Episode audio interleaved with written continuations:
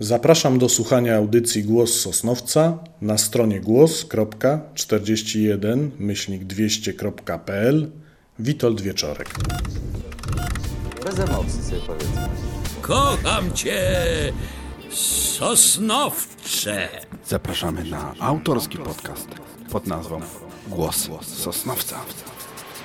Świat miasta, miasteczka, które nazywa się Sosnowiec. Pakiet dobrych minut. Tymczasem owo poranne, wykrzyczane przez okno Kocham cię, Sosnowcze było absolutnie szczere. No, czas się kurczy tutaj. Witamy w kolejnej audycji z cyklu Głos Sosnowca. Jakie spójne czynniki wiążą browarnictwo z historią górnictwa? Ile jeszcze wciąż nieodkrytych zagadek kryje nasz Sosnowiec? O tym i o wielu innych ciekawostkach opowie nam dzisiejszy gość Głosu Sosnowca, doktor nauk ekonomicznych, geograf i regionalista Witold Wieczorek. Dzień dobry Witoldzie. Dzień dobry, witam serdecznie. Powiedz Witoldzie, dlaczego e, temat katastrofy w kopalni Ludmiła znalazł się w obrębie Twoich zainteresowań badawczych? E, Do tej pory było to przede wszystkim zagłębiowskie browarnictwo, bo już mieliśmy okazję się spotkać i rozmawialiśmy o tradycjach piwowarskich Zagłębia, a tutaj nagle Górnictwo. Wbrew pozorom, dwa tematy ze sobą dosyć ściśle związane, dlatego że przy badaniu dziejów e, sosnowieckiego browaru hrabiego Renarda natknąłem się na informacje dotyczące kopalni Ludmiła, również należącego, należącej do hrabiego Renarda. Wiedząc, czy znając dotychczasowe informacje o tej kopalni i o katastrofie się, która w, nim, w niej się wydarzyła, postanowiłem zgromadzić materiał i ewentualnie później coś z tym zrobić. No właśnie, przypomnij, jakie informacje na temat katastrofy były do tej pory w publikacjach, artykułach czy na stronach internetowych? E, Dotychczas mm, katastrofa w kopalni Ludmiła owiana była tajemnicą, a te informacje, które były dostępne, powszechnie dostępne, czy w e, publikacjach, czy w artykułach, czy na stronach internetowych, były dosyć krótkie, wręcz lakoniczne, niespójne. No i co najważniejsze, co mnie tutaj mocno zdziwiło, e, no dosyć fantastyczne, nie da się ukryć. Mówimy tutaj o tych budkach dziecięcych, które były znajdowane ponoć w kopalni. Mówimy o budkach, mówimy o ilości ofiar, które tą katastrofę w kopalni Ludmiła windowały na mało chlubne pierwsze miejsce pod względem ilości ofiar, jeśli chodzi o katastrofy w górnictwie węglowym na terenie dzisiejszej Polski. Właśnie może nakreślmy y, samą kopalnię. Może coś na temat kopalni. Gdzie się znajdowała, jak, kiedy powstała? Tak, jest to dosyć, są to dosyć istotne informacje, dlatego że one mają wpływ pośrednio na tą katastrofę. Kopalnia Ludmiła była pierwszą kopalnią na terenie późniejszego gwarestwa hrabia Renat, kopalnią nowoczesną, głębinową, która posiadała szyby murowane, murowane budynki, była doskonale wyposażona w maszyny sprowadzane często czy z Prus, czy z ówczesnej Anglii. Można powiedzieć, że ta kopalnia była prekursorem nowoczesnej kopalni. Natomiast, no niestety, nie ustrzegło to ją przed katastrofą, która się wydarzyła, której przebieg był zupełnie odmienny od tego, który jest przedstawiany na łamach publikacji czy na stronach internetowych, bo do tej pory na tychże stronach wiedzieliśmy, że katastrofa wydarzyła się w roku 1880 lub 81. To przy badaniach już zacząłem się zastanawiać, no katastrofa to jest określony dzień, więc dlaczego tutaj rozbieżność dwóch lat? Była o, to, była o tym mowa, że wdarła się woda e, z wyrobisk podziemnych, później wdarła się rzeka Czarna Przemsza, kopalnia się zapadła i wraz z nią zginęło 200 górników. No, dosyć fantastyczny bieg wydarzeń. Jeżeli Twoim zdaniem ten bieg wydarzeń jest tak nieprawdopodobny, to może powiedzmy, jakie są Twoje ustalenia. Y, Ustalenia moje są z bardzo dużym prawdopodobieństwem prawdy prowadzone, y, mianowicie y, w oparciu o materiały archiwalne, w oparciu o materiały prasowe z tego okresu, kiedy sama tragedia miała, miała miejsce. I o ile właściwie wszystko, co do tej pory żeśmy wiedzieli, powody, jak i ilość ofiar absolutnie się nie zgadza z rzeczywistością. zadałem też sobie trud, dlaczego do tej pory tak fantastyczne, mijające się niestety z prawdą informacje o tej kopalni posiadaliśmy. No właśnie, jakie dane posiadamy i skąd czerpałeś wiedzę tych danych, że one są tak przekonujące? Mm, oczywiście do każdych danych należy podchodzić z pewną rezerwą, natomiast w tym przypadku e, są to dane pochodzące z Archiwum Państwowego w Katowicach głównie, e, z mm, materiałów, które były pisane tuż po tragedii, z raportów dozoru górniczego, czyli coś, co właściwie ludzie pisali, te sprawozdania, którzy no, byli tam na miejscu. Jesteś w stanie, Witku, odtworzyć cały przebieg tego zdarzenia? Tak, na podstawie materiałów archiwalnych, posiłkując się prasowymi, można odtworzyć e, bieg tego e, zdarzenia. No to może odtwórzmy, spróbujmy. No to Cofnąć się o te 140 lat prawie. tak, Jak to wyglądać mogło? tak jest. E, Kopalnia Ludmiła została zapoczątkowana jej budowa w 1863 roku, pewnie troszkę później po powstaniu styczniowym. I od samego początku, mimo że była budowana z dużym nakładem środków przy użyciu nowoczesnych urządzeń, problem stanowiła woda. Ta kopalnia nigdy nie rozwinęła się tak, jakby mogła, gdyż pewne jej części były zawsze zalane. Fragmenty niewielkie. Posiadała ogromnej mocy, na, jak na ówczesne czasy, e, ogromnej mocy pompy, które pompowały wodę z tej kopalni. Posiadała, posiadała również inne urządzenia, które stawiały ją no, w szeregu najlepiej wyposażonych e, kopalń. O jej znaczeniu najlepiej świadczy, że w latach 70. XIX wieku wydobywała 30% węgla w Królestwie Polskim. Ta jedna, jedyna kopalnia. To był dominator na rynku. Natomiast cały czas woda przeszkadzała. Kopalnia była zalana na przykład w roku 70-71. W 76 ponownie doszło do jej częściowego zalania bez ofiar i wówczas zarząd kopalni postanowił zbudować tamy oddzielające niebezpieczne miejsca od tych zagrożonych właśnie wypływem tak zwanej kurzawki, czyli takiego mułu połączonego z wodą, dosyć gęstego. Tym niemniej, no niestety to spowodowało, że za tymi tamami, zgodnie z opinią dozoru górniczego, ta woda, która od czasu do czasu się wdzierała, po prostu się gromadziła. Nie było to sprawdzane, Nie było pomp, które tę wodę tu wytłaczały? No. nie, tym bardziej, że ona była poza terenem kopalni. Nikt o niej nie wiedział, że ona się tam zbierała. I kropla po kropli, kropla po kropli, w pewnym momencie doszło do takiej sytuacji, że ciśnienie spowodowało przedarcie się przez te tamy, przez dawne wyrobiska, które za nimi zostały i kurzawka wdarła się w ogromnej ilości.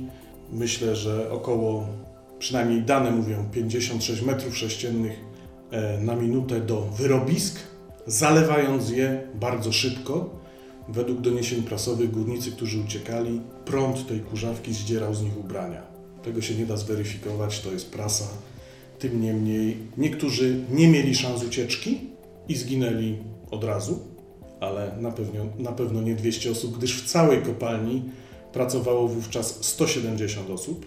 Niektórzy schronili się w wysoko położonej pochylni pod otworem wentylacyjnym. I właśnie pod tym otworem wentylacyjnym schroniło się 25 górników. Z tych 40, którzy byli w najbardziej zagrożonym rejonie. Niestety, dalej uciekać już nie mogli. Poziom wody wzrastał, czy tej kurzawki wzrastał właściwie. Oni byli od, pod otworem wentylacyjnym, 60 metrów w górę. Byli ludzie, którzy słyszeli ich głosy, natomiast właściwie nie mogli nic zrobić. Czyli taki prawdziwy dramat rozegrał się może nie na oczach yy, ludzi, którzy to słyszeli, natomiast w pobliżu tych ludzi. Tak, eksploatacja w tej kopalni przebiegała na głębokości około 5, od 80 do 60 metrów. No, 60 metrów są to 20 pięter, no 10, 30 Nie- metrów mniej ma, więcej. ma około 33 metrów 10-piętrowy budynek. Tak jest, tak jest. Liczek, Twoja relacja jest bardzo prozaiczna. Skąd zatem te apokaliptyczne wizje, o których czytaliśmy? Też się nad tym zastanawiałem i doszedłem do wniosku, że e, no niestety e, swoje, swoje tutaj e, zrobił utwór, który pewnie części jest znany, Stara wariatka Andrzeja Niemojewskiego, który w 1896 roku wydał tomik opowiadań, czy zbiór opowiadań pod tytułem Listopad. I tam znalazła się właśnie, znalazło się opowiadanie Stara wariatka, w którym mamy do czynienia z przedstawieniem takim literackim, apokaliptycznym tejże tragedii. Proszę zauważyć, że to się działo 16 lat po katastrofie, bo katastrofa mm, wydarzyła się 24 września 1880 roku i pan Niemojewski mógł usłyszeć pewne relacje, wiadomo, słowo pisane wówczas było ograniczone, było to ustne przekazy, które wyolbrzymiały pewne rzeczywiste zdarzenia. Nie było nawet takich archiwów biblioteki do przejrzenia, żeby sprawdzić gazety, co pisały o tym wtedy. Naprawdę, oczywiście w gazetach znajdujemy pewne relacje, one nie są do końca spójne i na gazetach zupełnie bałbym się oprzeć to, co w tej chwili twierdzę. Natomiast tutaj zdecydowanie pomogły materiały y, archiwalne, które no jednoznacznie odpowiadają na pytanie, jaki był powód i ilu tych górników w rzeczywistości zginęło. No właśnie ilu? 40? Właśnie na szczęście nie. Na szczęście nie. 40 było zagrożonych. 15 z nich zginęło od razu, dosyć szybko. Natomiast tych 25, co się schroniło pod otworem wentylacyjnym, no oczekiwało na pomoc. Tutaj bardzo ważna e, rola Ludwika Małwego, który wówczas zarządzał majątkiem Modrzejów w Sielce, hrabiego Renarda, który od razu widząc, co się dzieje, widząc, że poziom wzrasta wody, wydał polecenie maksymalnego pompowania. Pompy, które pracowały zazwyczaj na, na pół gwizdka, zaczęły pracować pełną mocą. I przez dłuższy czas udawało się, znaczy czy po pewnym czasie udawało się doprowadzić do stanu, że woda dalej nie wzrastała. A ci górnicy, którzy byli pod tym otworem 25, e, no jeszcze byli w stanie oddychać, bo woda sięgała im mniej więcej kolan. Można założyć, że oni ten otwór, ten u góry widzieli. 60 metrów to jesteśmy w stanie, w stanie dostrzec. Oni doskonale wiedzieli, że są pod tym otworem wentylacyjnym, doskonale wiedzieli, że stara się im pomóc. To można było głosem przekazać. No natomiast sytuacja była taka, że nad sobą mieli, e, mieli skały, e, stali, stali w wodzie, no i właściwie nic od nich absolutnie nie zależało. Witek, jaki był przekrój tego otworu wentylacyjnego? Przekrój tego otworu wentylacyjnego był taki, że można im było podać jedzenie, podać picie, natomiast wyjść w żadnym wypadku nie można było. Jedzenie, picie, to znaczy cała akcja trwała? Cała akcja trwała około 30 godzin, czyli ponad dobę byli tam wewnątrz uwięzi uwięzieni. W wodzie stojąc. Stojąc w wodzie, podpływając pod ten otwór wentylacyjny jakimś czółnem, jakąś tratwą. No i licząc na to, że ta woda nie zacznie przybierać, bo ona po 11 bodajże godzinach ustaliła się na pewnym poziomie. No z drugiej strony, jeżeli to ciśnienie tej wody wyszło na, na całą przestrzeń kopalni, no to ona też się musiała trochę ustabilizować, też ta woda sama od siebie, prawda? Tak jest, rozlała się po wszystkich, po wszystkich dziurach, chodnikach, pochylniach, zgadza się. Tym niemniej jeszcze w pewnym momencie w nocy, bo sama, e, sama katastrofa wydarzyła się około trzeciej po południu, wdarcie się tej wody, w nocy jeszcze nastąpił dodatkowy wypływ. Wówczas jeden z tych górników, który się schronił pod otworem, nie zdążył na wyżej położony teren i niestety dołączył do tych, którzy zginęli, zamykając tą liczbę pole ofiar katastrofy w ilości 16 osób. Na szczęście pompy wypompowywały tą wodę. Ta woda wdzierając się, wypełniając te wszelkie pustki, no, nie napływała cały czas. Po prostu skończyła się. Wyczerpały się te zasoby, które gdzieś tam się gromadziły w tych zrobach. No i zaczęto wypompowa wypompowywać, woda cały czas opadała, także e, mniej więcej, mniej więcej około godziny 20 kolejnego dnia około godziny 20 kolejnego dnia zjechali górnicy na dół z mm, zarządzającym Mebiusem, no i uratowali tych 24 górników, którzy byli pod otworem. A w jaki sposób dostali się górnicy, którzy ratowali tamtych górników później? Przez ten właśnie otwór, wentylacyjny? Nie, przez szyb. Na tyle wypompowywano wodę, że oni normalnie zeszli czy zjechali szybem. Czyli Mobius. woda zaczęła opadać po jakimś czasie. Tak, te pompy wypompowywały więcej wody niż napływało, w związku z tym zaczęła opadać. W momencie, kiedy górnicy zjechali tym szybem, ona jeszcze była, ale była tylko w niektórych niżej położonych miejscach. Co dzisiaj możemy powiedzieć o osobach, które zginęły? Znamy ich nazwiska, gdzie zostały pochowane? Tak jest, znamy ich wszystkie nazwiska. Nazwiska wszystkich 16 osób e, są znane. Znany jest ich stan cywilny, wiek. W tym momencie możemy zweryfikować, czy rzeczywiście tam pracowały dzieci, o czym licznych informacjach do tej pory mogliśmy znaleźć pewne odniesienie. Dotarłeś dokładnie do miejsca, w którym ten, w ten, ten otwór się znajdował? Tak, na podstawie starych map można dokładnie zlokalizować ten e, otwór. W przybliżeniu on znajduje się w pobliżu e, dzisiejsz, dzisiejszego ronda pomiędzy ulicą Mikołajczyka a Łota. A sama kopalnia znajdowała się w pobliżu Sama kopalnia znajdowała się bardziej na zachód, przy ulicy dzisiejszej Ludmiła. Zresztą częściowo zabudowania tej kopalni stoją do dzisiaj. Są zadekowane dwa szyby tej kopalni, czyli Möbius i Ludmiła, aczkolwiek informacja, która jest na nich, no niestety nie jest do końca prawdziwa.